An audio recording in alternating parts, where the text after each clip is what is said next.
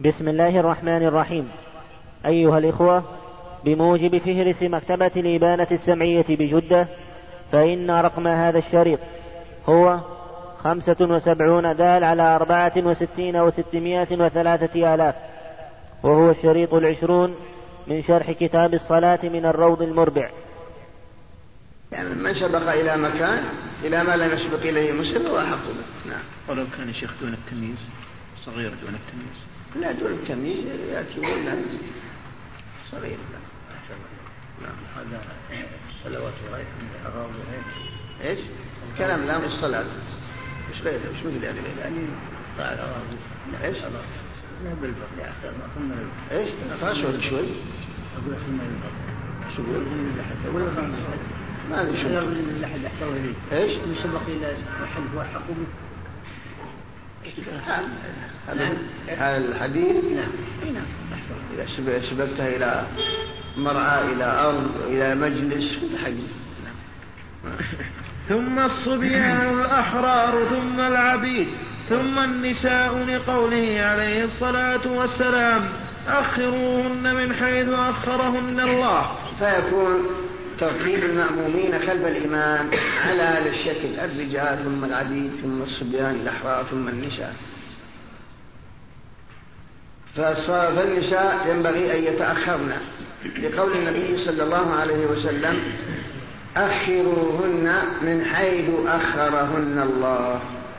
ولحديث خير صفوف الرجال أولها وشرها آخرها.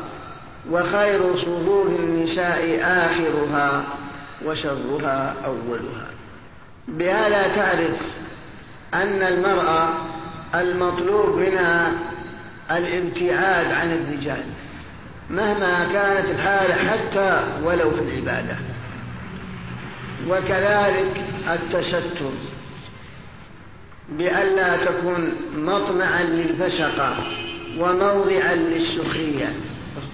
فلا ينبغي أن الرجل يترك نساءه يجبن الشوارع ويذهبن إلى مجتمعات الرجال بغير حشمة ولا قيد ولا شر بل متجملة ومتعطرة تزاحم الرجال. موضعا للسخرية ومطمعا للفسقة. إذا كان الرسول يقول في نفس العبادة أخروهن من حيث أخرهن الله ويقول وخير صدور النساء آخرها وشرها أولها والمقام مقام عبادة وتقرب إلى الله فما ظنك؟ بذهابها إلى الشوارع ومجتمعات الرجال ومكالمتها للرجال.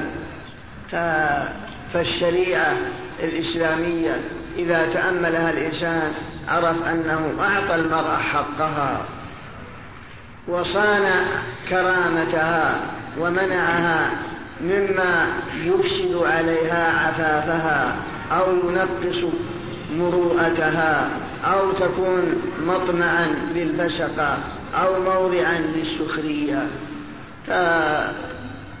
فلا ينبغي للرجل أن يترك نساءه على هذه الكيفية.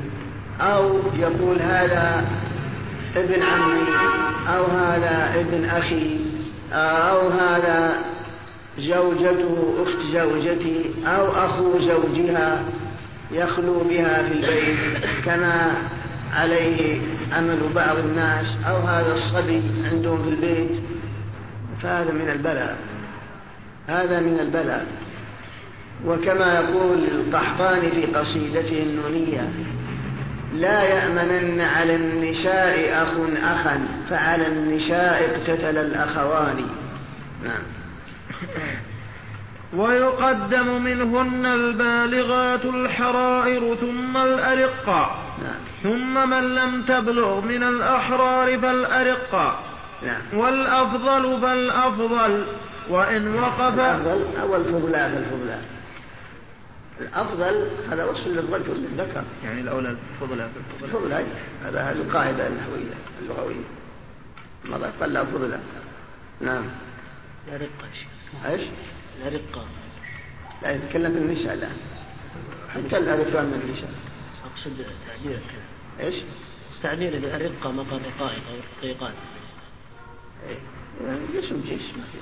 ما نعم. وإن وقف الخناثى صفا لم تصح صلاتهم كالترتيب.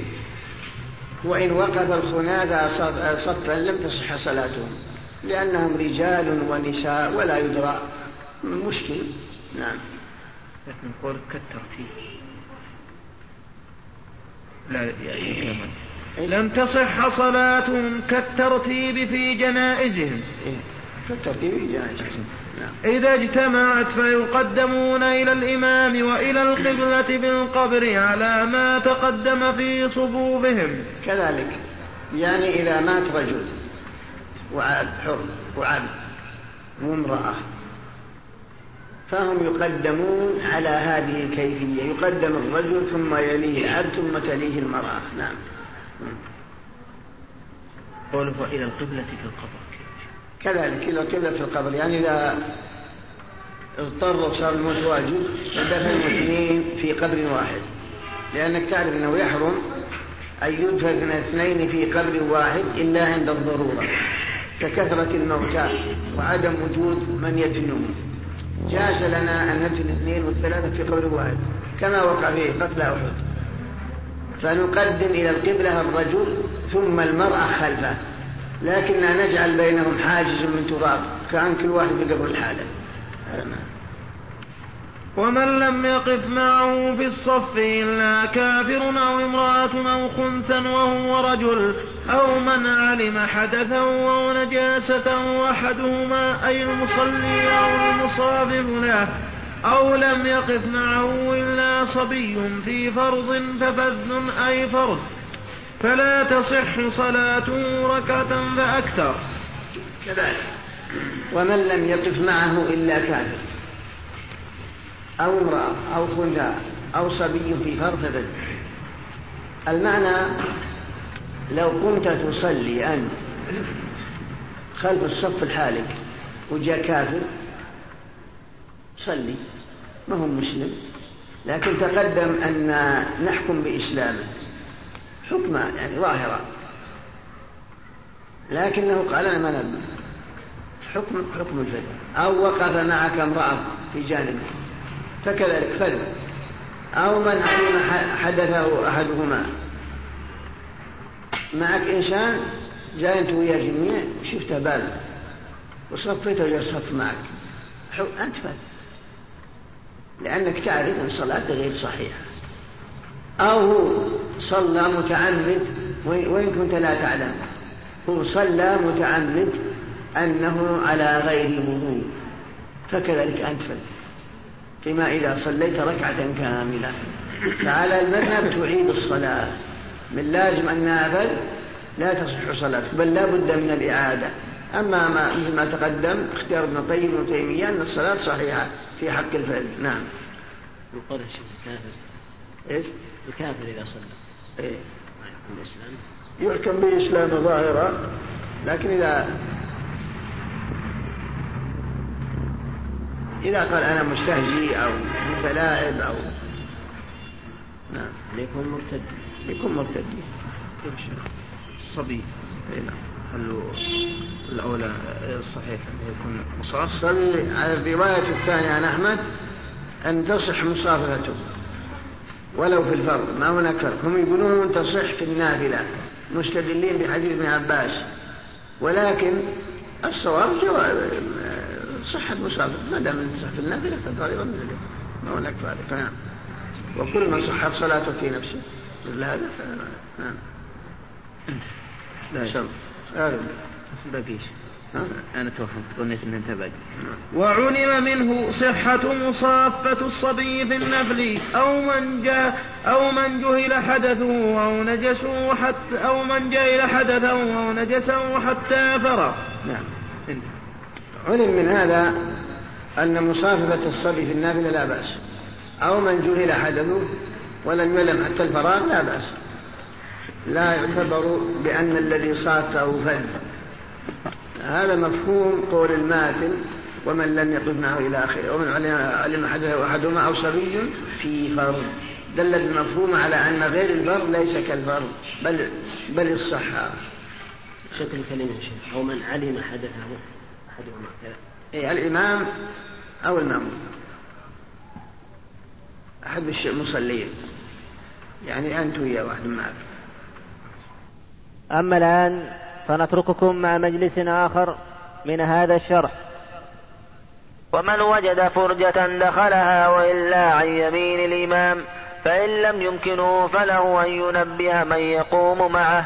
فإن صلى فذا ركعة لم تصح وإن ركع فذا ثم دخل في الصف أو وقف معه آخر قبل سجود الإمام صحت.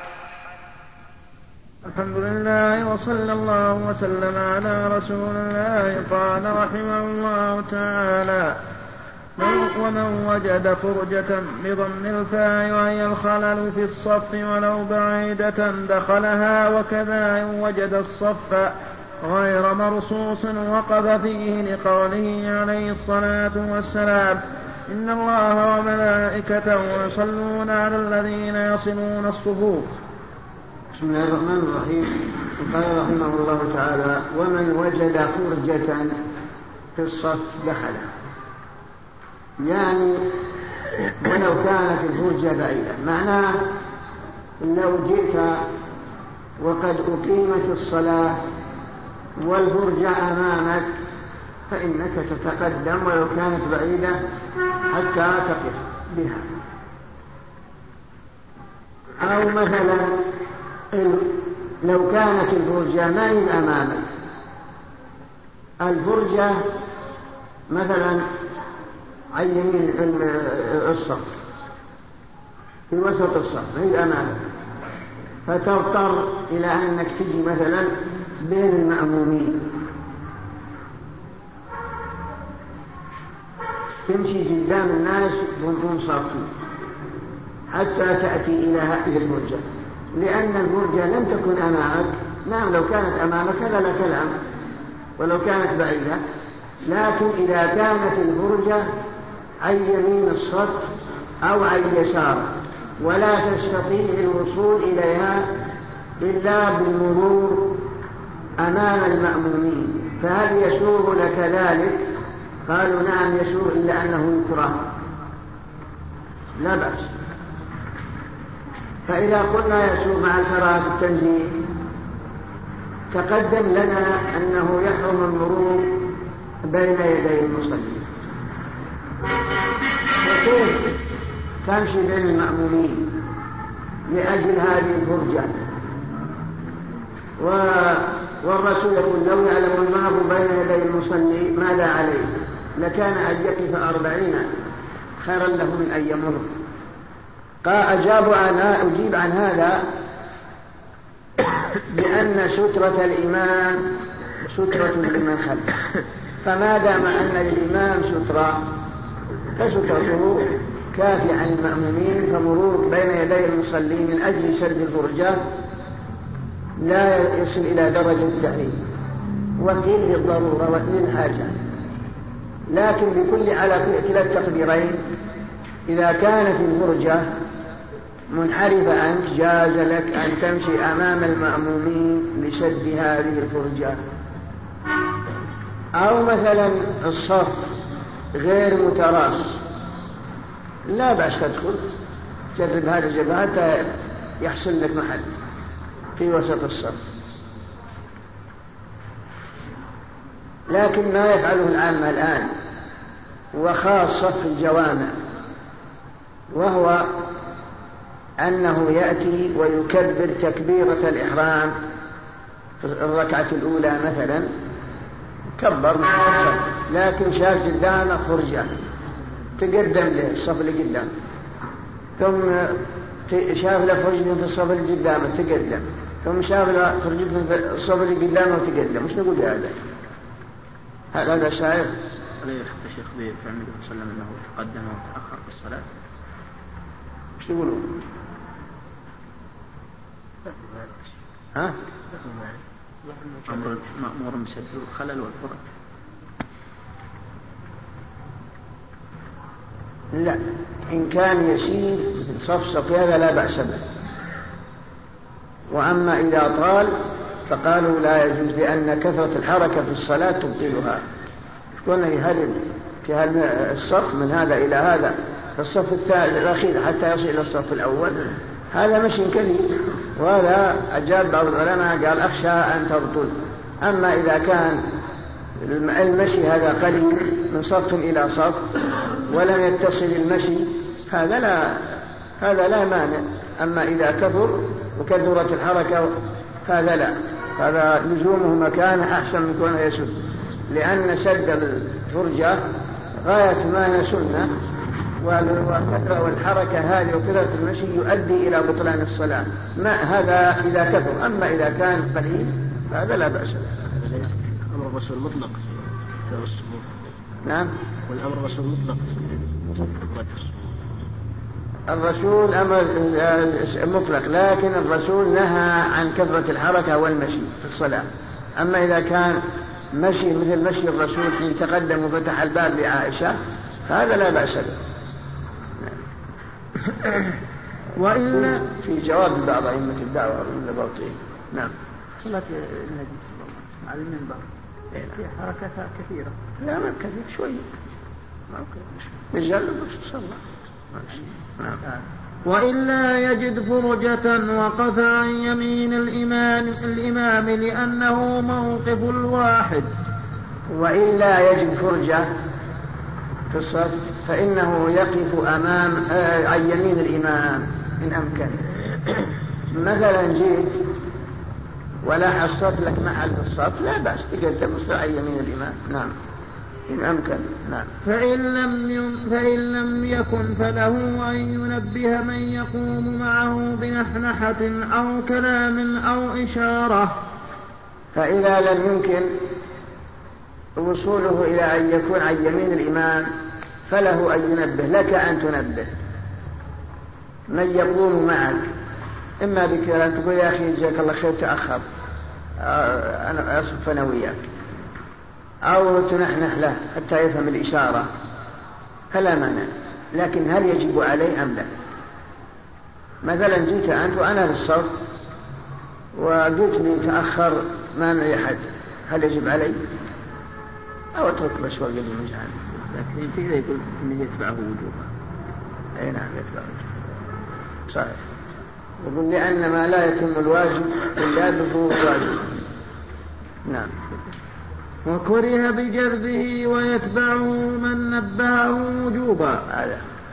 وكره بجرده لأنه تصرف في البيت. ويتبع من نبهه وجوبا. لأن المصافة واجبة وما لا يتم الواجب به إلا ما لا يتم الواجب إلا به فهو واجب فواجب عليه أن يتأخر متى طلب منه ذلك. أما جلبه فلا لأنه تصرف بالغير قالوا حتى ولو ابنه لو جبوا فشحبت ما ينبغي له أن يشحب نعم لأنه دخل في العبادة سواء كان أبوه أو أو أو, أو عبد مملوك نعم. فإن صلى فذا ركعة لم تصح صلاته لما تقدم. فإن صلى فذا ركعة لم تصح صلاته لما تقدم.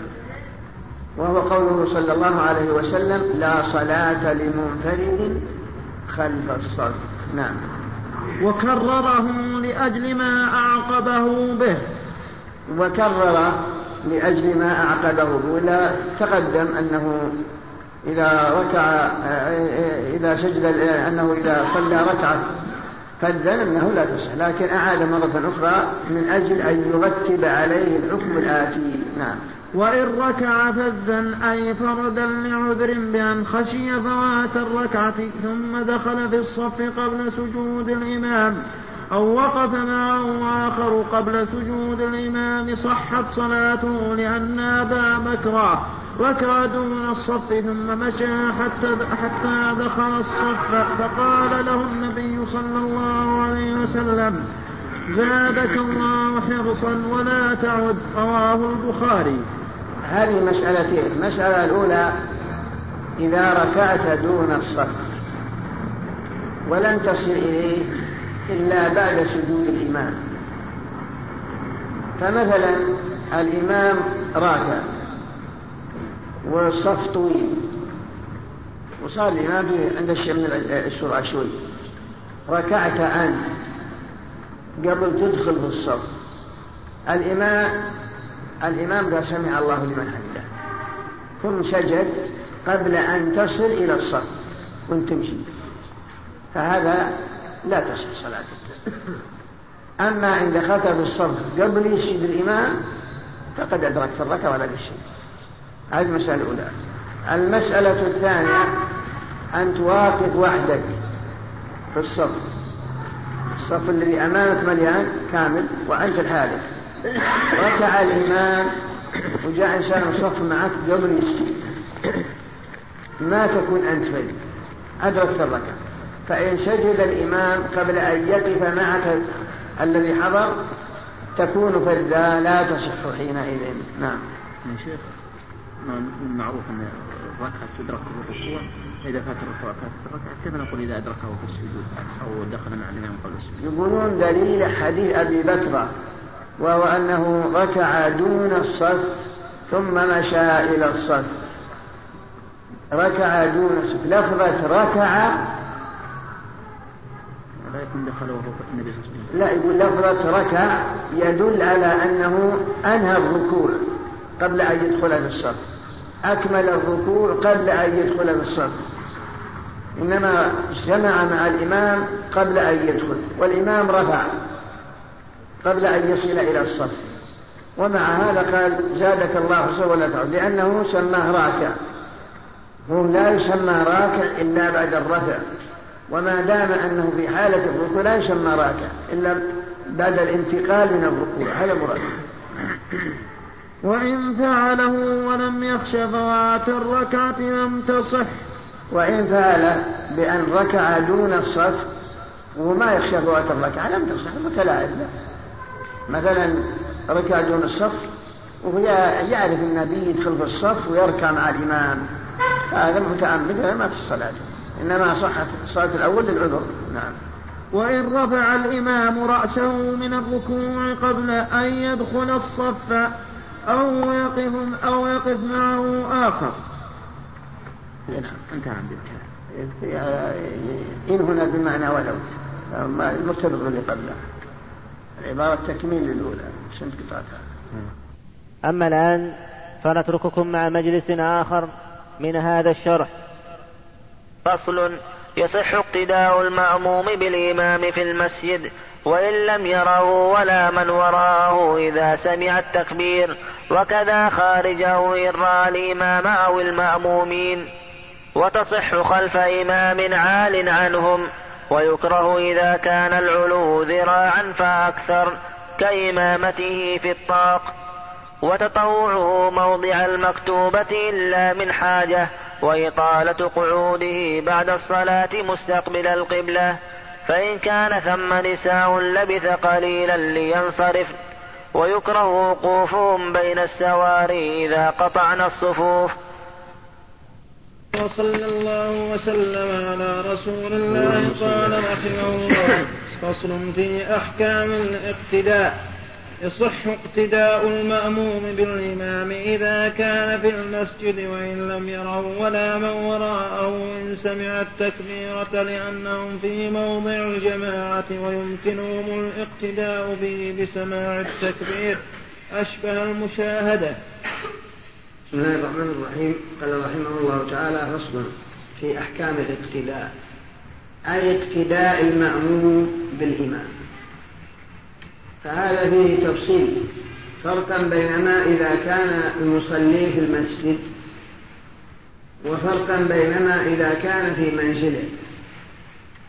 فإذا كان المأمومين إذا كان المأمومون في المسجد جاز اقتصح اقتداؤهم بإمامهم يكبرون بتكبيره ويركعون بركوعه ما دام أنهم يسمعون التكبير وإن لم يروا ولا من وراءه لأنهم في موضع العبادة وفي المسجد ومن كان في المسجد ما دام أنه يسمع التكبير فالاقتداء بالإمام متعين حينئذ.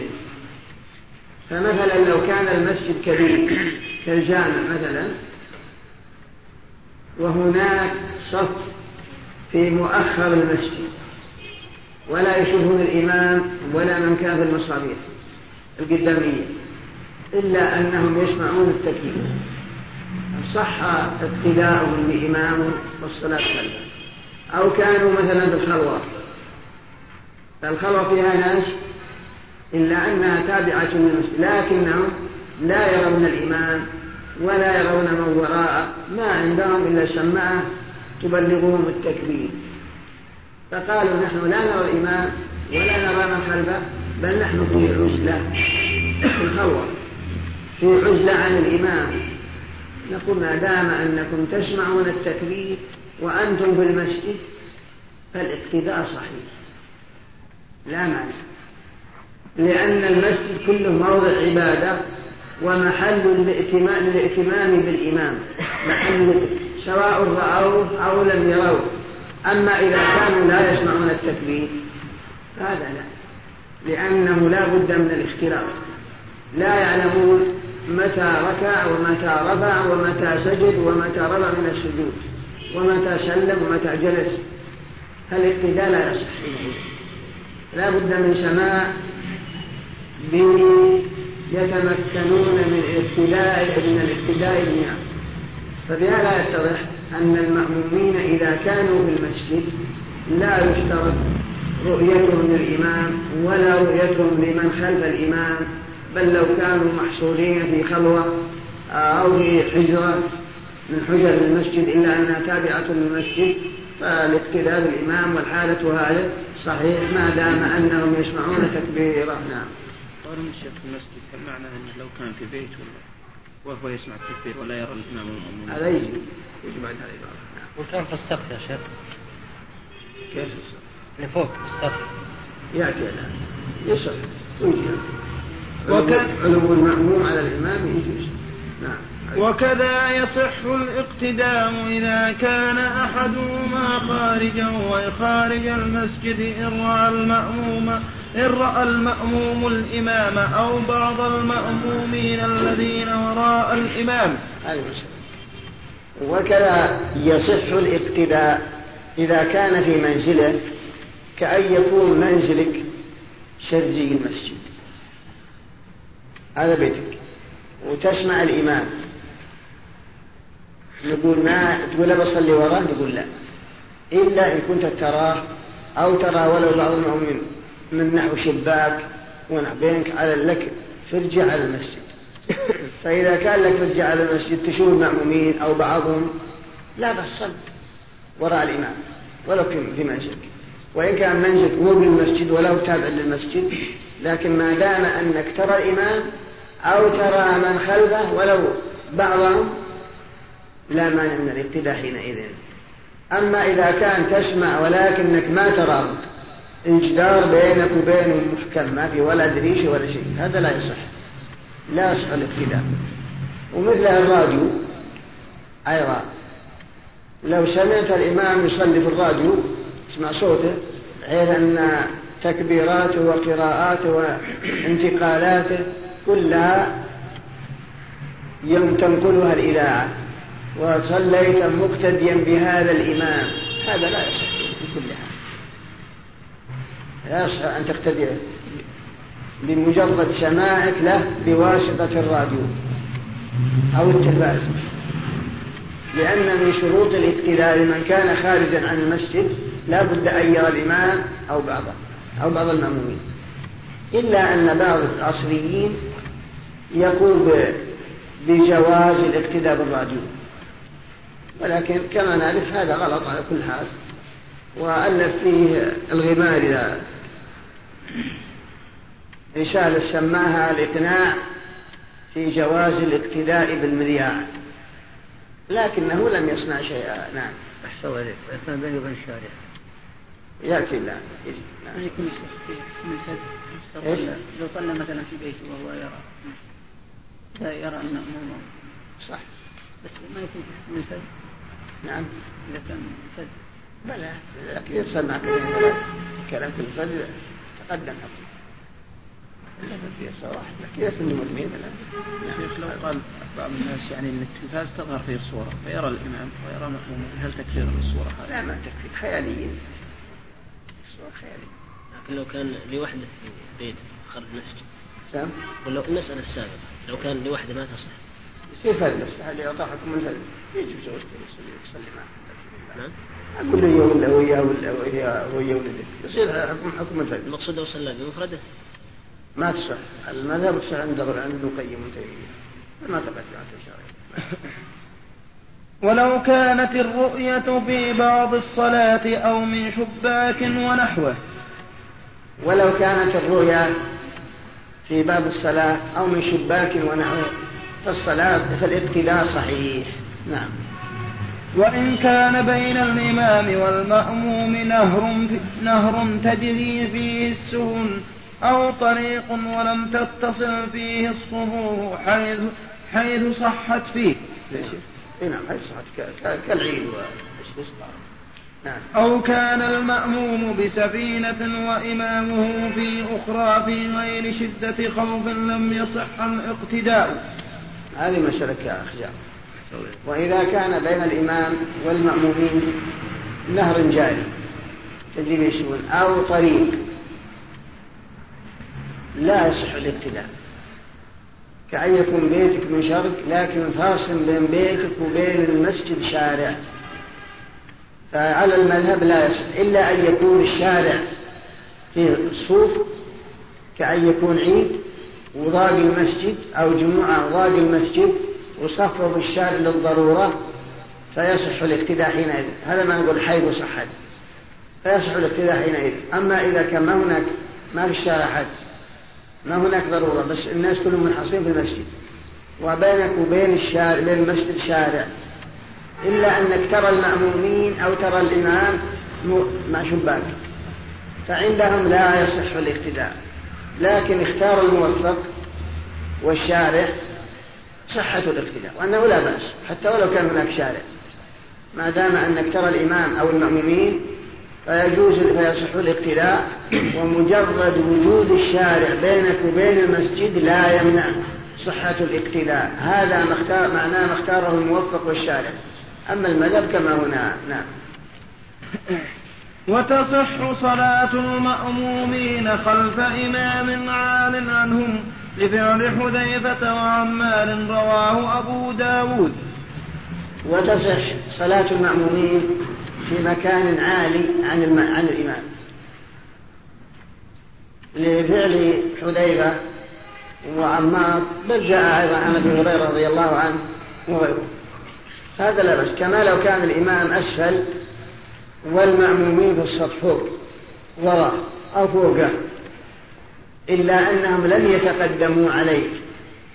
يكون الإمام هنا قدام والشرحة فيها مثلا مصابيح فيها سطوح صلوا الناس في سطوح والإمام أسفل لا بأس ما في مانع. على أن لا يتقدموا. أما تق- أما يتقدم الإمام كما تعرف أنه لا يجوز. لكن ما دام أنهم أعلى و... ويقتدون بإمامهم فلا مانع. فالصلاة صحيحة ولا فيها شيء. إنما الكراهية العكس كما يأتي. نعم. ويكره علو الإمام عن المأموم إذا كان العلو ذراعا فأكثر لقوله عليه الصلاة والسلام إذا أما الرجل القوم فلا يقومن في مكان أرفع من مكانهم. فإن كان يسيرا دون ذراع لم يكره. لصلاته عليه الصلاة والسلام على المنبر في أول يوم وضع.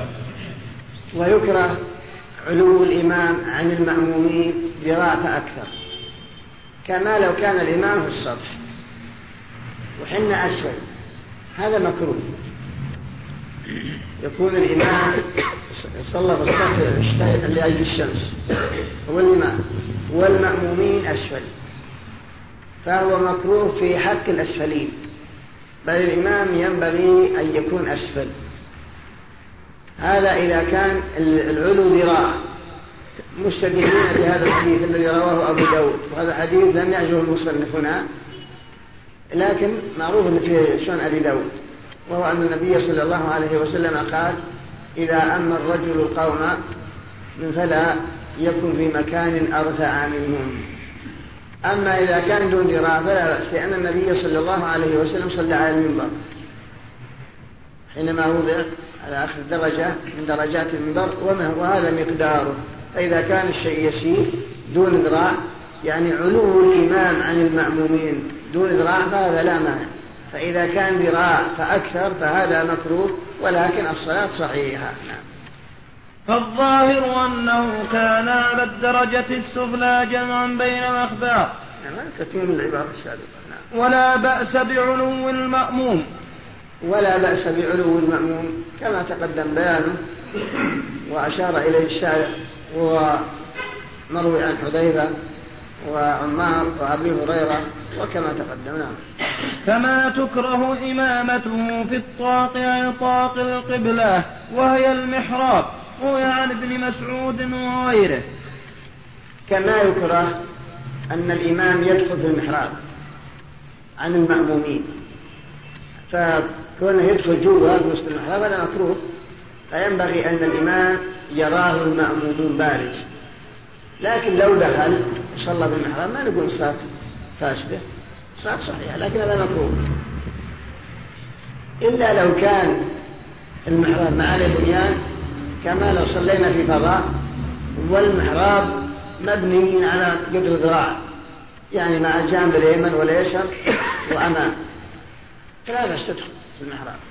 لأن المؤمنين يرونك والعلة منتفية. أما إذا كان مثل المحاريب الآن فلا ينبغي أن يدخل إلا لحاجة بل يكون بارز يراه المأمومون يقتدون به من لم يسمع تكبيره يراه ويقتدي بحركاته وأفعاله. و... واتخاذ المحراب يأتي يقولون ويباح اتخاذ المحراب المسجد وغخي يستحب ومن قال إنه بدعة أن اتخاذ المحاريب المساجد بدعة هذا أخطأ. إنما وجدوا رسالة للسيوطي نقل فيها قول أنها لا ينبغي ولكن معلوم أن المحاريم موجودة في زمن علي بن أبي طالب رضي الله عنه في القرن الأول ومن مسعود وغيرهم من الصحابة رضي الله عنهم. وما زال عمل المسلمين من القرن الأول إلى يومنا هذا. ثم وجود المحراب في المسجد يبين أن الموضع هذا مسجد. ويبين أيضا الدلالة إلى القبلة. فلو دخل إنسان محل مسجد ولم يكن في محراب لم يعرف أي جهة القبلة. فوجود المحراب المسجد أولا شعار بأنه مسجد. وثانيا يقتدي الناس به لمعرفة القبلة. وتقدم لنا في باب شروط الصلاة استقبال القبلة أنك تعرف القبلة بعلامات من جملتها محاريب المسلمين. فهي تفيد أن هذا المسجد أن هذا تفيد أن هذا هذه هي القبلة. فلو دخلت أنت أو دخلت أنا أو دخل غيرنا لا ندري. أين جهة القبلة؟ إلا بوجود هذا المحراب. نعم. لأنه يستتر عن بعض المأمومين. نعم. فإن لم يمنع رؤيته لم يكره. فإن وجه الكراهة هو أن المأموم إذا دخل بالمحراب الإمام هو أن الإمام إذا دخل المحراب استتر. عن المأمومين لا يرونه. وأما إذا كان أمكنت رؤيته انتهت الكراهة. نعم. وما تقدم نعم. ويكره تطوعه موضع المكتوبة بعدها لقوله عليه الصلاة والسلام. لا يصلين الإمام في مقام الذي صلى فيه المكتوبة حتى يتنحى عنه رواه أبو داود عن المغيرة بن شعبة. ويكره أن الإمام يتطوع النافلة في الموضع الذي صلى فيه الفريضة. فإذا كان الإمام صلى أمام المحراب الفريضة فينبغي أن ينتقل لأداء الراتبة إلى موضع آخر في المسجد فلا يصلي في محلها هذا مكروه. مستدلين بهذا الحديث. إذا صلى الإمام فلا فلينتقل عن مكانه الذي صلى فيه يعني لإرادة النافلة. مستدلين بحديث المغيرة. لكن حديث المغيرة ذكر الحافظ بن حجر فتح الباري أنه ضعيف. ولهذا ذهب جمع من العلم إلى أنه لا بأس ما في كراهة. لو صلى الإمام النافلة في موضع صلاته الفريضة لا, لا بأس بذلك إلا أن الحنابلة هنا قالوا مكروه فلولا الانتقال خروجا من الخلاف نعم. ولا لو صلى فلا فلا فلا حرج إن شاء الله لأن الحديث ضعيف نعم. إلا من حاجة فيهما بأن لا يجد موضعا خاليا غير ذلك. إلا من حاجة كأن يكون المسجد مليان وأراد أن يؤدي الراتب مثلا لا بأس.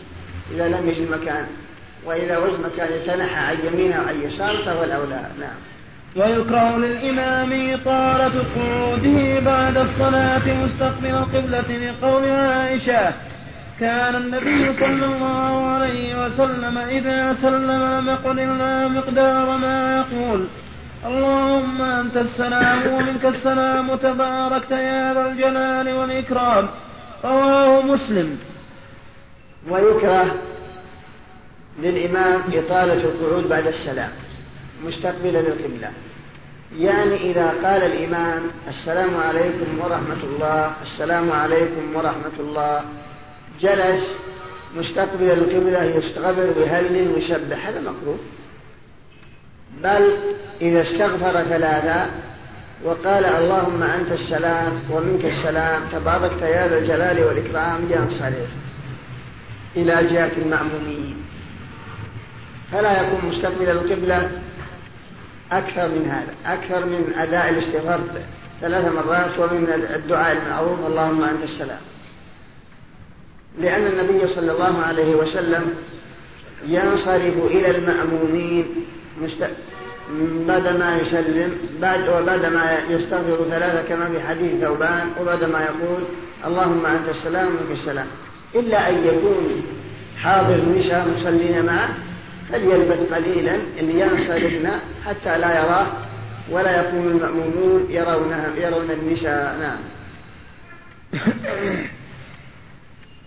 فيستحب له أن يقوم أو ينحرف عن قبلته إلى مأموم إلى مأموم جهة قصد نعم جهة قصد. إلى. إلى مأموم جهة قصد الذي يريد الخروج منه وإلا فعن يمينه. كذلك.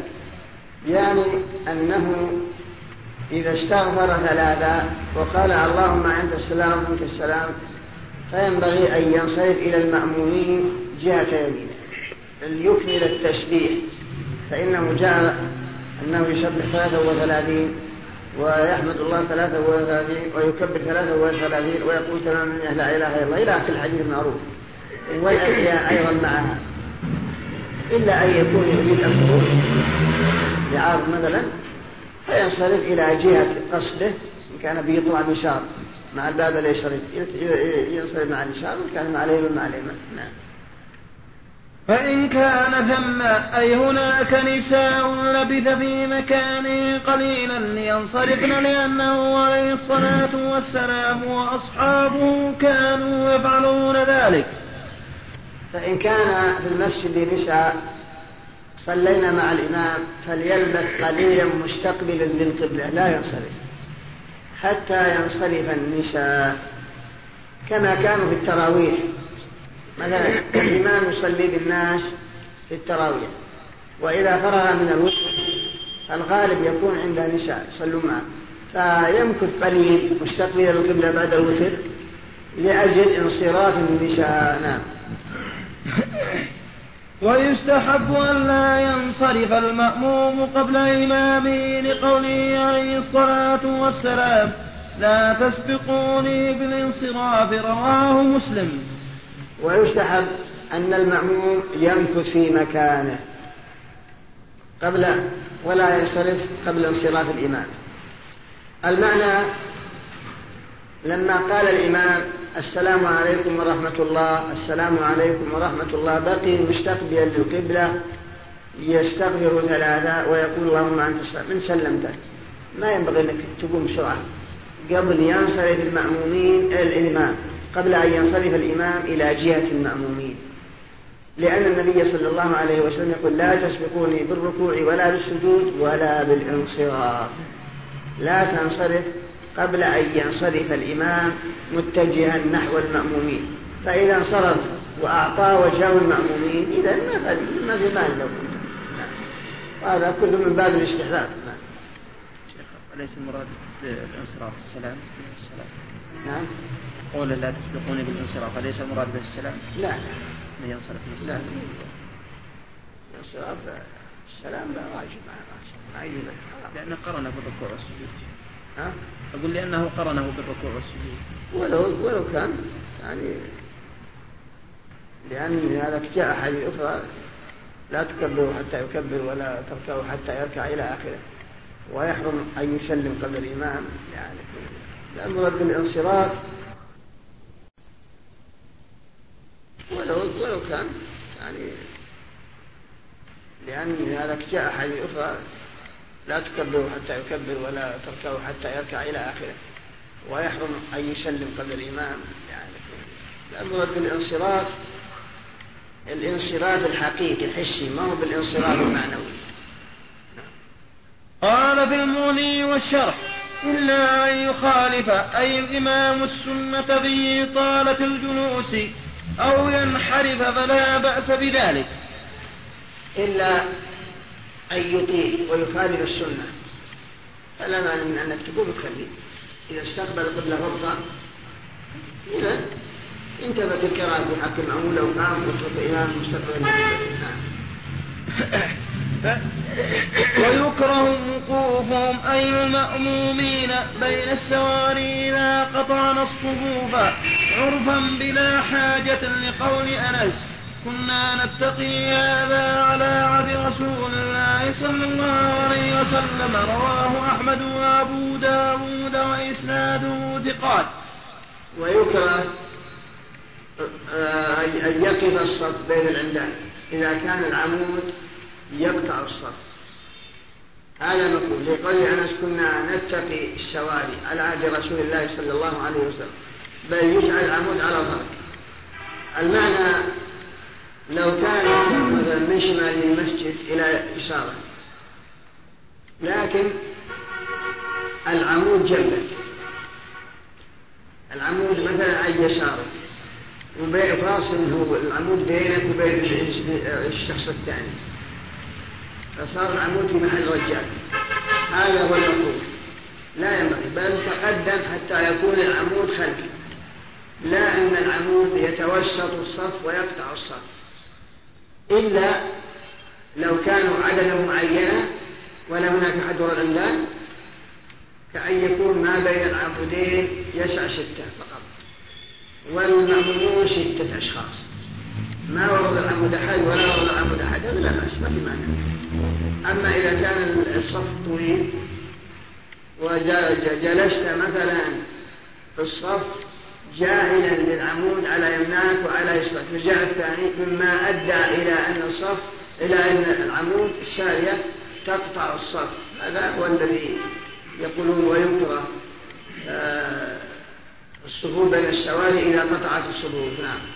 فإن كان الصف صغيرا قدر ما بين الساريتين فلا بأس. كما تقدم فإذا كان الصف قصير بقدر ما بين الساريتين ما في مانع. لأن القطع ممتنع حينئذ. ما في قطع. بل المأمومون ستة فقط وما بين الساريتين ستة فقط. فصفوا وليس وراء العمود من أحد ولا من أحد هذا ما في مانع. نعم. وإذا كذا صار المسجد مليان مرة. يأتيهم يصير صف بين السماء لا يقع في المدينة في الكبرى إذا كان محتاجين الصف مليان والمسجد مليان ما في مانع إن شاء الله. تنتهي وحرم بناء مسجد يراد به الضرر بمسجد بقربه فيهدم مسجد الضرار. ويحرم بناء مسجد بقرب مسجد آخر. لأن في الحقيقة هذا مسجد ضرار. فلو بنوا جاء إنسان قال بتبرع بني مسجد جنب المسجد قريبا منه لا يجوز لأنه يؤثر على هذا المسجد. وهذا المسجد أسبق فمزاحمة المساجد بعضها قريب من بعض هذا لا يجوز. وإنما تبنى المساجد في المحلات التي يحتاج إليها المسلمون على قدر الحاجة. أما يبنى مسجد بقرب مسجد آخر من أجل إرادة الضرر هذا لا, لا يصح بل, بل يتعين هدمه حينئذ. نعم. ويباح اتخاذ المحراب. ويباح اتخاذ المحراب. لأنه علامة القبلة بل وقيل يستحب لأنه لأن الصحابة اتخذوا محاريب المساجد وعليه عمل المسلمين جيلا بعد جيل وقرنا بعد قرن. ولأنه من أدلة القبلة والعلامات عليها. ومن علامات أن هذا مسجد. نعم. وكره حضور مسجد وجماعة لمن أكل بصرا ونحوه حتى يذهب ريحه. وكره حضور وجماعة صلي مع جماعة حتى يذهب ريحه. وذلك لأن الناس يتأذون من هذا البصل. فالبصل له رائحة كريهة فعندما يأكل الإنسان بصلا فلا ينبغي له أن يصلي مع الناس. فقد قال النبي صلى الله عليه وسلم من أكل هما أو كرابا فلا يقربن مسجدنا فإن الملائكة تتأذى مما يتأذى منه بنو الإنسان. فلا ينبغي. لكن هل يكره أكله؟ قالوا إنه إذا أكل من أجل أن لا يحدث هذا لا يجوز حرام عليه. أما إن أكل لغرض ما فلا مانع حينئذ. إلا أنه ينبغي أن يميته طبخا. وهل مثله مثل عرفنا الآن أن من أكل بصلا يكره أن يحضر إلى المسجد لأنه يؤذي الناس برائحته؟ لكن إذا كان في أسنان في أباط أسنان في العرج جاء وقت الحرب وإذا جاء المسجد وصلى جنبك عن عيونك أبشر. وربما أتعب الإنسان وجعله ما يؤدي الصلاة بخشوع نقول لك نعم ما في شك هذا أعظم ضرر. اللي فيه أسنان كريم وإذا جاء وقت الحرب وعزت آباطه وثار أسنانه في المسجد فهذا أشد ضررا من البصر فقد قرر العلماء أنه يجيب ثم لو فرضنا أنه لا لا يروح فلا ينبغي أن لما فيه من أذى الناس. وكذلك مثل ما كان في فمه بخار. بخر. لو كان في فمه مثلا بخر رائحة كريهة. يؤذي من كان بقربه. قالوا إنه مثل البصر أو شيء. بقي الدخان اللي يشرب الكتم فإن الدخان له رائحة كريهة مؤذية فهل هذا مثله؟ شو نقول؟ لا موجود لا هو نشوف كأنه هو نشوف نعم. سن الدخان هنا ليش قشر قليل لكن هو الناس يتعذرون براحتهم اذا كان ما في ما هو مخطئ ما في شك شربه لكن كلامه كلام ما شربه كله يشرب حرام ما في شك. لكن بس من مسألة تأدي الجماعة رائحته تأذي حاصل نعم؟ تأذي خاصة من المكثر حاصل. إذا كانت هو الشاربة ما في شك. مؤذي أما إذا كان ما دليل راح يصلي الله يكفي ما شاء نعم انتهى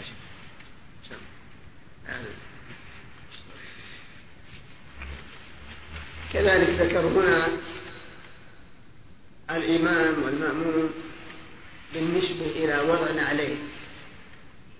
فالإمام قالوا أنه يجعل عليه عن يساره الإمام ينبغي أن يجعل عليه كذلك المأمون إلا إذا كان يؤذي من كان بقربه فيجعلها بين يديه. هذا لا يؤذي الناس عليه.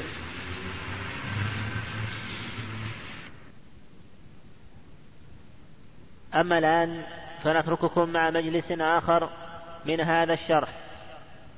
فصل ويعذر بترك جمعة وجماعة مريض ومدافع أحد الأخبثين ومن بحضرة طعام محتاج إليه وخائف من ضياع ماله أو فواته أو ضرر فيه أو موت قريبه أو على نفسه من ضرر أو سلطان أو ملازمة غريم ولا شيء معه أو من فوات رفقة أو غلبة نعاس أو أذى بمطر أو وحل وبريح باردة شديدة في ليلة مظلمة.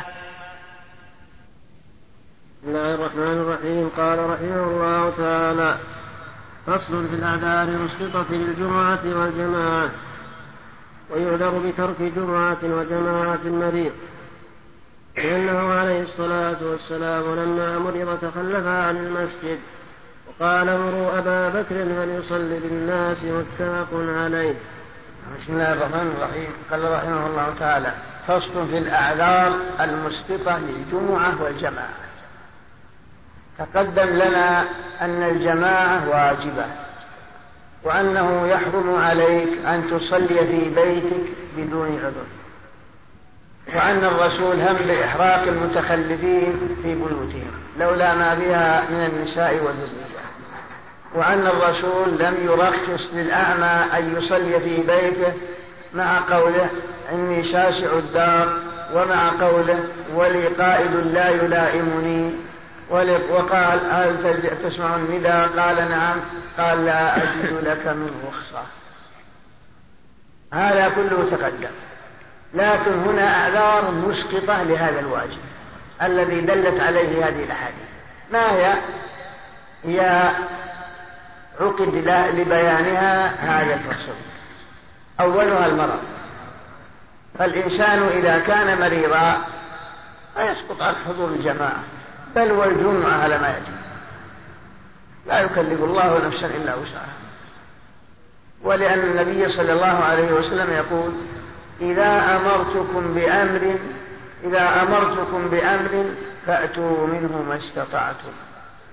فهو أمرنا بأن نصلي جماعة نأتي منه ما استطعنا لا نستطيع الوصول إلى المسجد. لبعده أو للمرض الذي ألم بالإنسان. ولأن النبي صلى الله عليه وسلم لما مرض لم يتكلف قال مروا أبا بكر فليصلي بالناس. مروا أبا بكر فليصلي بالناس. لأجل المرض. فظهر لنا من هذا أن المرض مسقط لحضور الجمعة والجماعة ما دام أنه يشق عليه الحضور. نعم. وكذا خائف الحدوث مرض. وكذا خائف حدوث مرض. مثلا ما هو مريض قول نشيط لكن يعرف لو ذهب إلى المسجد حصل عليه مرض. مش, مش من أمثلته. كأن يكون الطريق فيه وحد شديد وثقيل ويخشى يزلق ينكسر لأنه واحد يتعب. يتوقع أنه لو ذهب زلق فإذا زلق على الرسول تكسر يعني ما عنده قدرة ما عنده استطاعة. ولا الآن ما في شيء. نقول مثل أو يكون في الطريق قتال مثلا ويخشى لو رجع المسجد يضربه الأرض تسقط عنه كذلك صل بك وإن كنت الآن ما بخلاف الله يقول ولا تلقوا بأيديكم إلى التهلكة فإذا خشيت من حدوث مرض أو حدوث ضرر حتى ولو في مالك صل بك وتلزم الجمعة دون جماعة من لم يتضرر بإتيانها راكبا أو محمولا. وتلزم الجمعة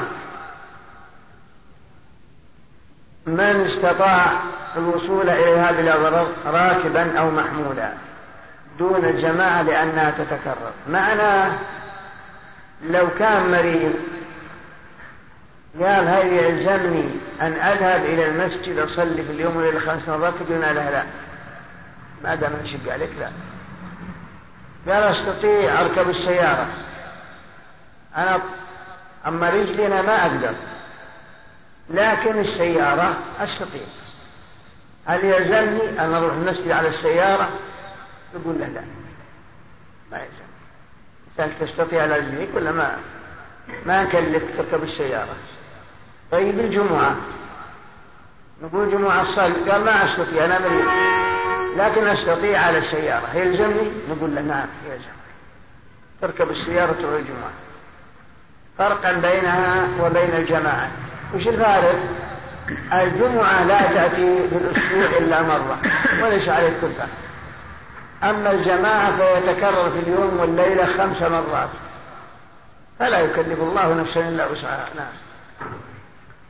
ويعذر بتركه مع مدافع أحد الأخبثين البول والغائط.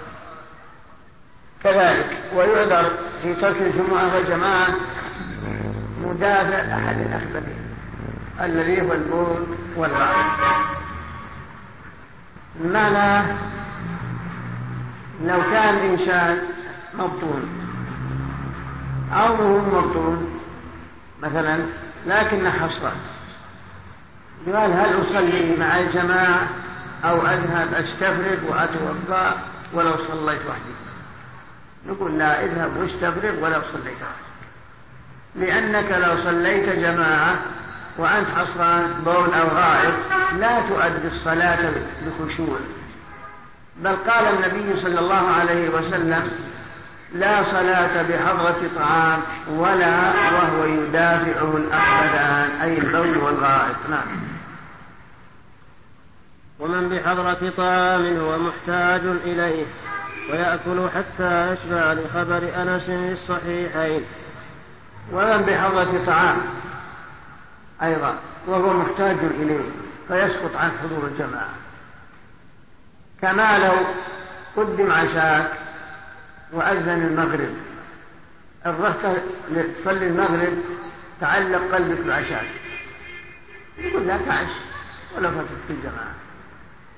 لكن نعرف أن هذا ليس في حق المفرطين وهو أن الإنسان يجلس في دكانه يبيع ويشتري.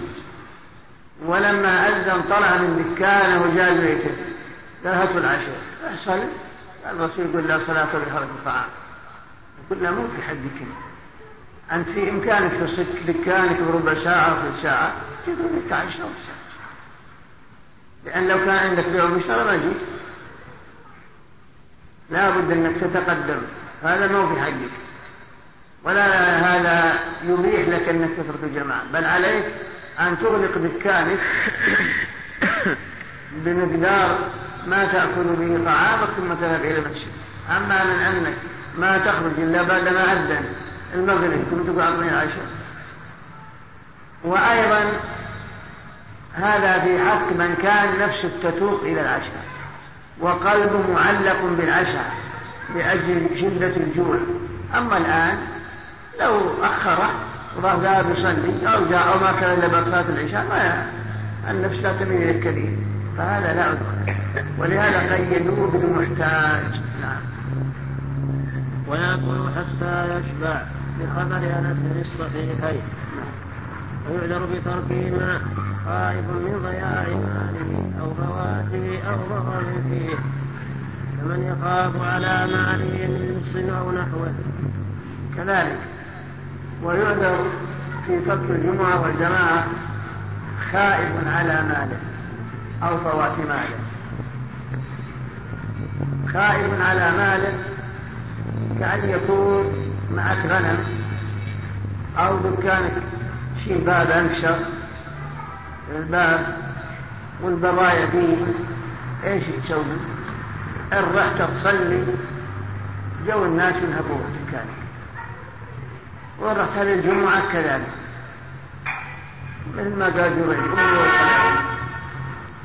نقول لا اجلس المكان صل المكان ولو فاتتك الجمعة أو الجماعة. ما دام أنك تخشى أنه ينتهي بمالك فلا مانع. احفظ حتى تتيسر لك. نقله وإلا تركيب الباب وإلا. ولا يلزمك أن تذهب إلى الجماعة. هذا ما خائف من ضياع من فوات ماله من ضياع ماله أو فواته أيضا.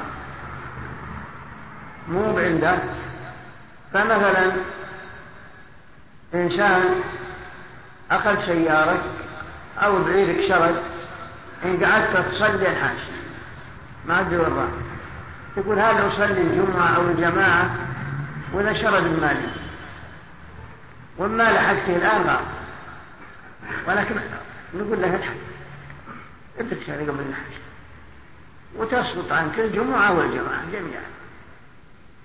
ما دام إنك يغلب إنك انك تبي تلبسي تقول نعم ذهب مع هذه السكه بسيارته ولا بسيارتي الآن. عارف الرجل بالحج وإن قعدت تصلي شرد ولا دون شرد لكن هذا الطريق الآن ما بعد.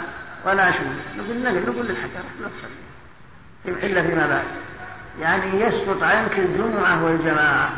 لأجل أن تنحج لحفظ مالك. هذا معنى أو خاف فواته نعم. شيخ خبر أنس في الصحيحين. هذا في مسألة العشاء. إذا حضر الصلاة وحضر العشاء نبدأ بالعشاء. أو له خبز في تنور يخاف عليه فسادا. أو له ضالة أو آبق يرجو وجوده إذا كذلك. أو الخباز قال ذهبت تصلي الحين كلت النار خبزي قالوا تسقط عنك الجماعة. لكن هذا يلاحظ ما في عذر للخبازين بحيث إنه يترك الصلاة دائما يقول أنا خبزي في التنور نقول له تقدم وخبز وإذا جب الصلاة امسك وأحسن. لكن هذا لو حصل صدفة ما في مانع. حصل صدفة على ان خبزته ولا تنطفت النار أو شيء وصلحتها وأذن نقول كلمة خبزك لا تأكل النار ما في مانع أما من أنه يخلي عادة مستمرة وكل خباز يقول أنا أخشى من خبزي لا. لكن إذا حصل صدفة من غير قصد فهذا خاف على وأفتى بعض أئمة الدعوة. قريبا من هذا في مسألة ما كانوا يعملون السابق وهم الحفارة يحفرون الآبار كانوا ينزلون الصبح بعد ما يتغدون. كانوا يغدون مربح من أول. ينزلون يحافظون في الجريف ويتحصل صلاة الظهر. انطلعوا يصلون الظهر. زاد عليهم الماء ولا استطاعوا. وإن قعدوا مشوا في عملهم أفتاهم بعض أئمة الدعوة أنهم يسوغ لهم الجمع. يعني يكملون الحضار ويطلعون مع العصر ويصلون الظهر والعصر بناء على أنهم لو طلعوا فات الوقت وزاد الماء ولا تمكنوا من الحضر. لأن الضرس الحميد تشيل الماء وإذا طلعوا مثلا أتوا الظهر زاد عليه فأفتاهم بجواز آه، تأخير صلاة الظهر. إلى ما نعم. لكن يمكن مرادهم الجنة الصوري يعني يؤخر الظهر في آخر وقتها. أو يخاف فوته إن تركه. نعم. ولو مستأجر ولو مستأجر لحفظ بستان أو مال يتضرر في معيشة يحتاجها. كذلك. ولو كان هذا الذي ترك الجمعة أو الجماعة مستأجر في حفظ بستان أو غنم وفي تركها تتضرر معيشته ومعيشة عياله. نعم. أو كان يخاف بحضور الجمعة أو الجماعة موت قريبه أو رفيقه أو لم يكن ثم من يمرضه مع غيره. كذلك. أو يخشى لو ذهب إلى الجمعة والجماعة موت قريبه. ويمزل أو ما يوجد من يمرضه سواه. فهذا يسقط عن حضور الجمعة والجماعة. معناه لو كان لك قريب في المستشفى ولا عنده إلا أنت وتخشى يموت أو يتضرر مو محتاج لك صل عنده تسقط عنك الجمعة والجماعة. ما دام أنك لا تجد من يقوم عنده ولو ذهبت خشي عليه الموت وإلا يطيح من السرير مثلا أو لابد من ملاحظته فيسقط عن حضور الجمعة والجماعة. أو خاف على أهله وأولاده. نعم. أو كان يخاف على نفسه من ضرر كسبه. نعم. أو من سلطان يأخذه. أو من ملازمة غريم ولا شيء معه يدفعه به. كل هذه من الأعذار المسقطة للجمعة والجماعة. كمن خاف من سبع في طريقه. لو ذهب إلى المسجد في الطريق أسد يكتشف نقول لا لا ولا تلقوا بأيديكم من التهلكة أو ذيب ولا مع سلاح يستطيع يدافع. أو سلطان يدوري كأن يكون السلطان الأمير بعث جنوده وشرطه يدورونه. لأجل سجن هو مظلوم. قال إن صليت المسجد وشكوري الآن. وأنا بصد عنه بصلي في البيت نقول ما في مانع صلي في البيت ما دام انه بيسجنوك بيغلوا بغير حق أو ملازمة غريم ولا شيء معه كأن يكون عليك دين ألف ريال مثلا. ولا عندك شيء تريد. وهذا ديانك شر. يبي يمشي. وقلت هذا مصلي في المسجد. أنا صليت في المسجد مسكني. وغرباني وأنا ما عندي شيء هل لي شو أصلي في بيته بكيف؟ يقول نعم صلي. ما دام النبي غريب كنت ما عندك انت عندك له وفاء حرام عليك اعطى حقه وأما إذا كان ما عندك شيء ولو صليت في المسجد ذهب بك وسجنت أو غرب لا صل في بيتك خليه. لأن الله يقول وإن كان ذو عسرة فنظرة إلى ميسرة لأن حبس المعسر ظلم. نعم. وكذا إن خاف مطالبة بالمؤجل قبل أجله. وكذا لو خاف مطالبة المؤجل قبل أجله إذا كان لا الشوكة ولا قدرة نعم. نعم. إيش؟ نعم يسقط. يسقط عن حضور الجمعة والجماعة. إذا كان في إذا كان في طريقك شر بينك وبين المسجد وإذا يبي يفترسك. لا في محروم لين تصلح إن شاء الله. إيش؟ إيش؟ الرجل الذي اتى إلى الرسول وقال لا يشرك من لا يسمع الا ان يحرم المسجد هل يقطع يعني قال انه ما ما ذاك اعمى ما قدام الشوى هذاك اعمى يستطيع يمشي ولا عليه خلاف. إنما يتيه الطريق شوي نعم. قدام الشوى بياكل فإن كان حالا وقدر على وفائه لم يعذر. فإن كان الدين حال وقدر على وفائه نقول صل في المسجد الناس حقوق. أو كان يخاف بحضوره ما من فوات رفقته بسفر مباح سواء أنشأه أو استدامه. كذلك.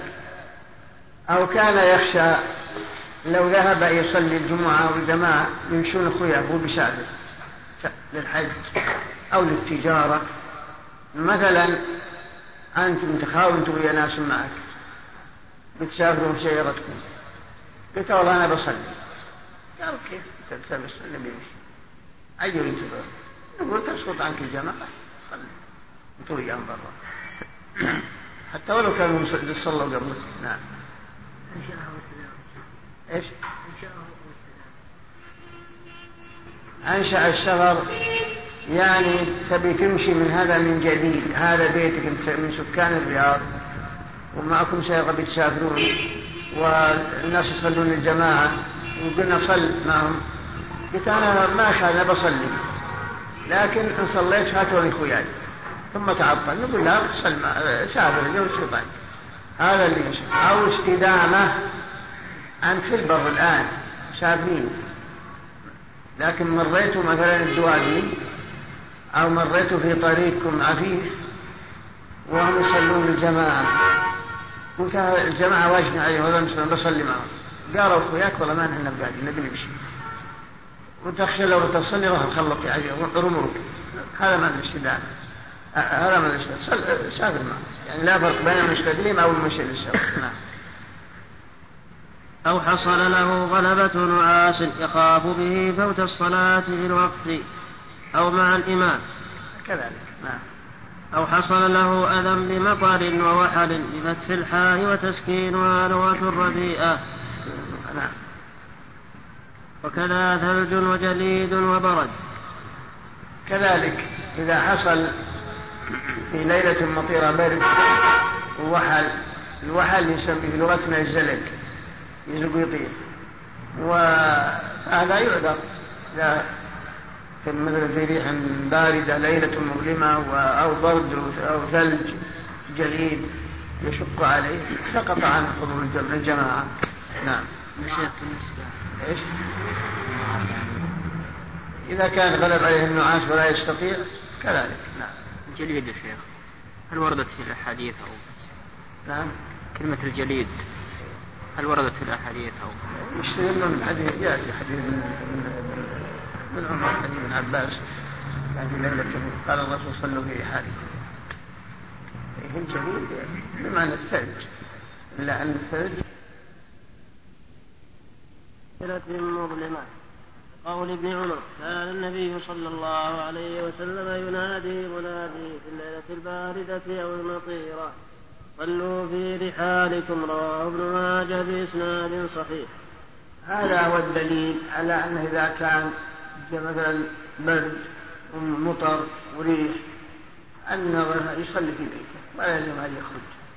لأن النبي صلى الله عليه وسلم أمر المنادي عندما قال إذا بلغت أشهد أن أشهد أن محمد رسول الله فقل ويقول صلوا في رحالكم يعني لا يكلفهم الخروج مع شدة البرد والثلج والمطر وظلمة الليل غدرة لا يكلف الله نفسا إلا وسعها.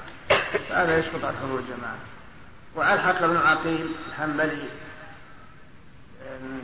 شيئا من هذا وهو أن الرجل لو دخل على العروس ونفسه تتوق إليها مثلا فهو يعذر ترك الجمعة الجماعة أيضا يصلي عندها إذا كانت نفسه متعلقة به نعم.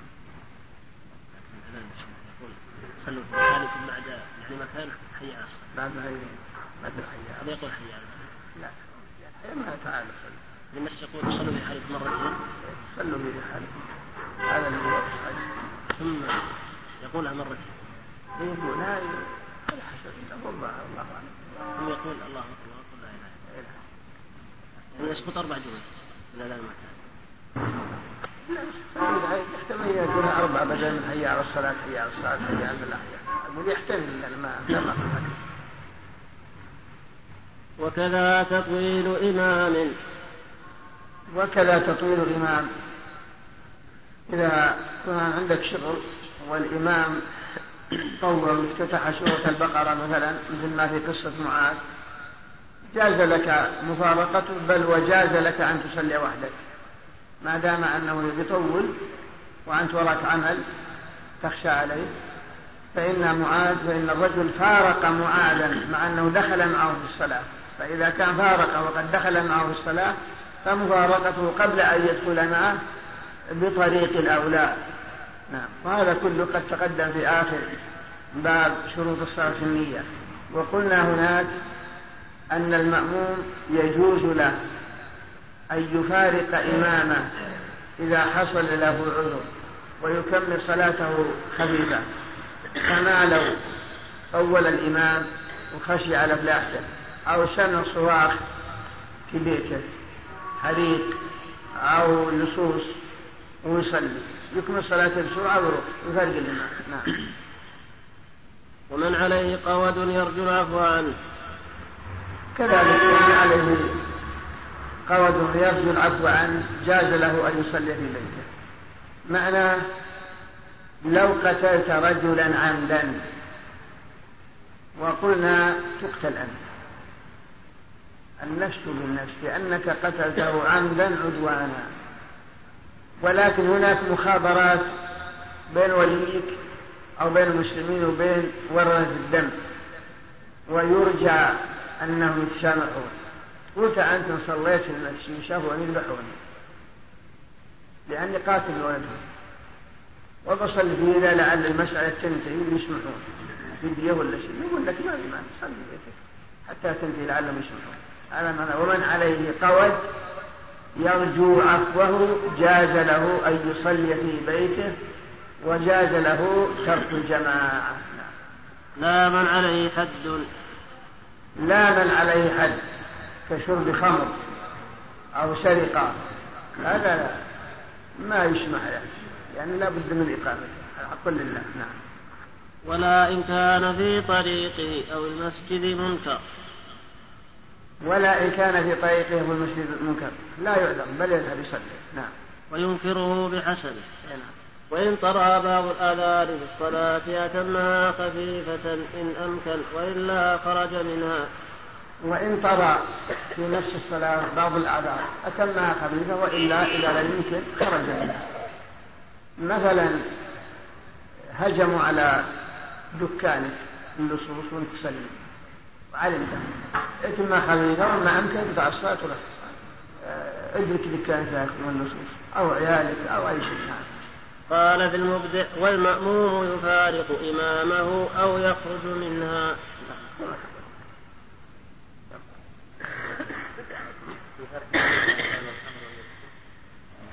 اي نعم ده شرب الخمر حد لله لابد من إقامته.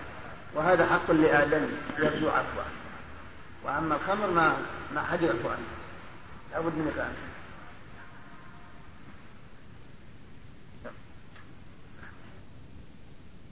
أما الآن فنترككم مع مجلس آخر من هذا الشرح.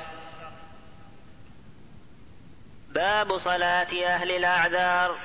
تلزم المريض الصلاة قائما فإن لم يستطع فقاعدا فإن عجز فعلى جنبه. فإن صلى مستلقيا ورجلاه إلى القبلة صح. ويومئ راكعا وساجدا ويخفضه عن الركوع.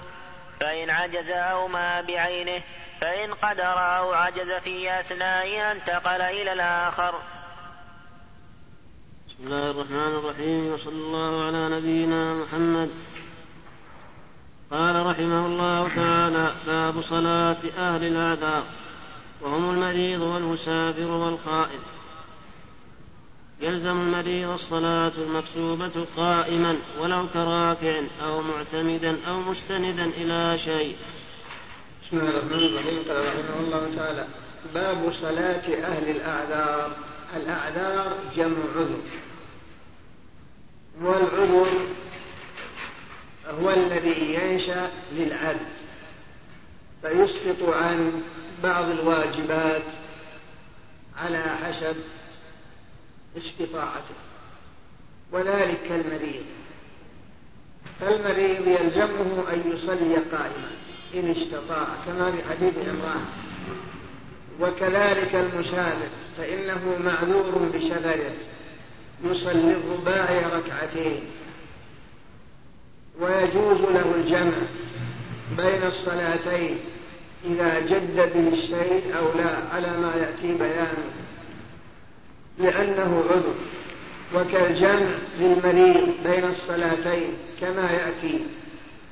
إذا كان لا لا يستطيع أن يصلي كل صلاة في وقتها إلا أن هذه المسألة فيها خلاف. و... ويأتي الكلام على حديث حمنة. وهل هو لأن الرسول أمر بأن تجمع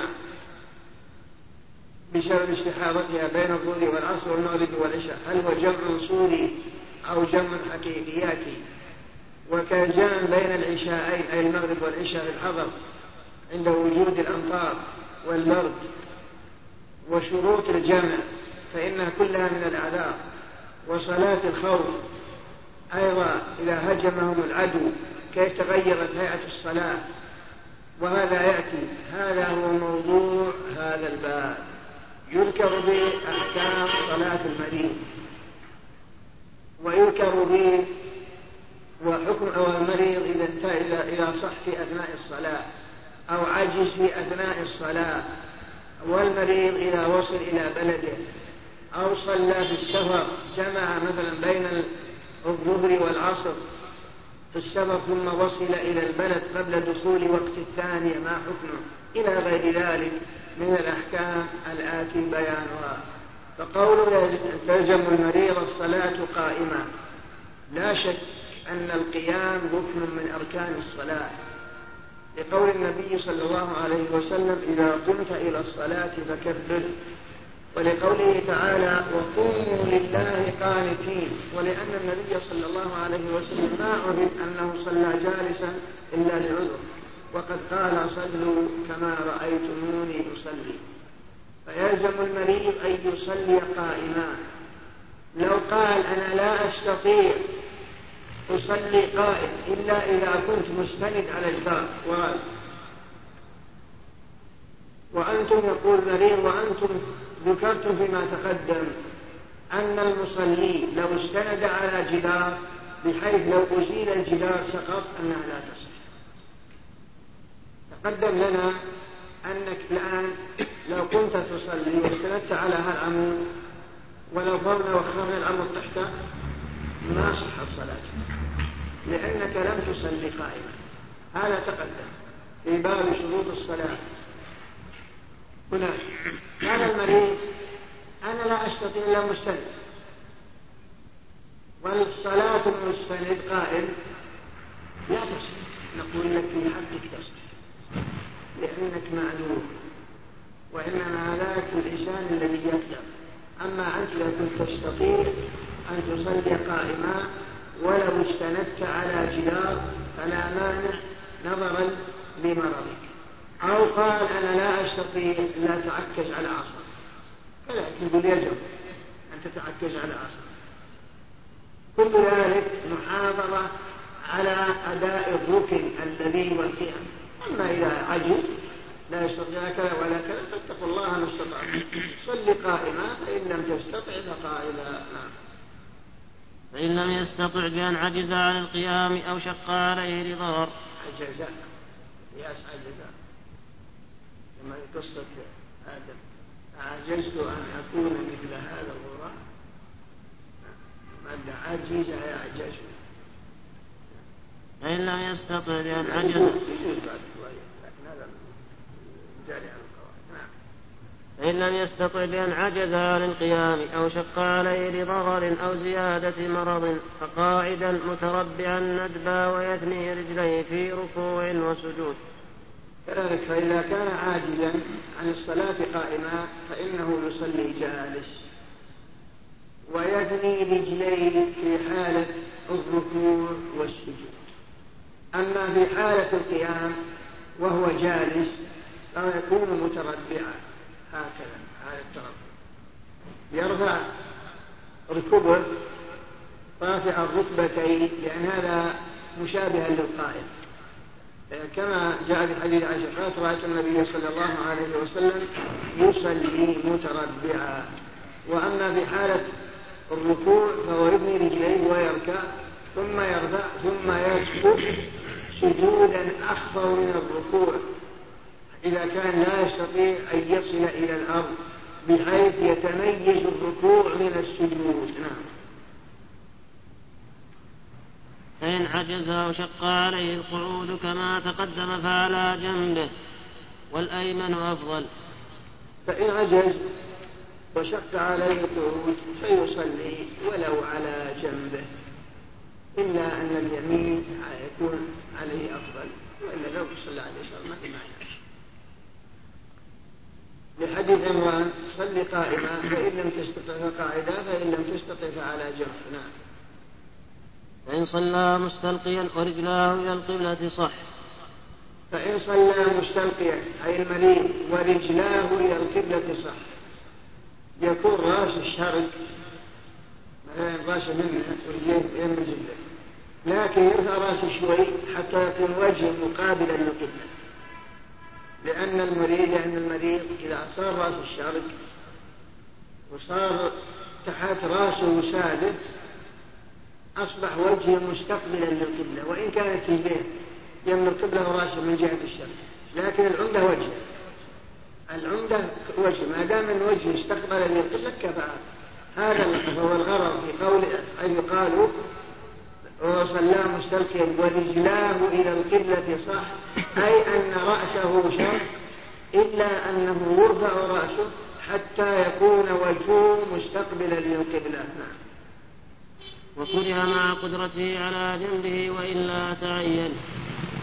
وكره أن يصلي مستلقيا إذا كان يقدر على الجنب وإما إذا كان لا يقدر على الجنب فيتعين أن يصلي ولو مستلقيا إذا كان لا يستطيع على الجنب كأن يكون في ضوء كسور أو آلام جنب اليمين وجنب اليسار ما يقدر ودائما مستلقي يرفع راسه شوي ويصلي على الظهر يعني شبه على نعم. يمي ولو بالعين كما يستطيع بالرأس. بالرأس وإذا ما كان يمي ولو بالعين يعني. ويؤمن راكعا وساجدا ما أو ساجدا ما أمكنه ويخفض أي السجود عن الركوع.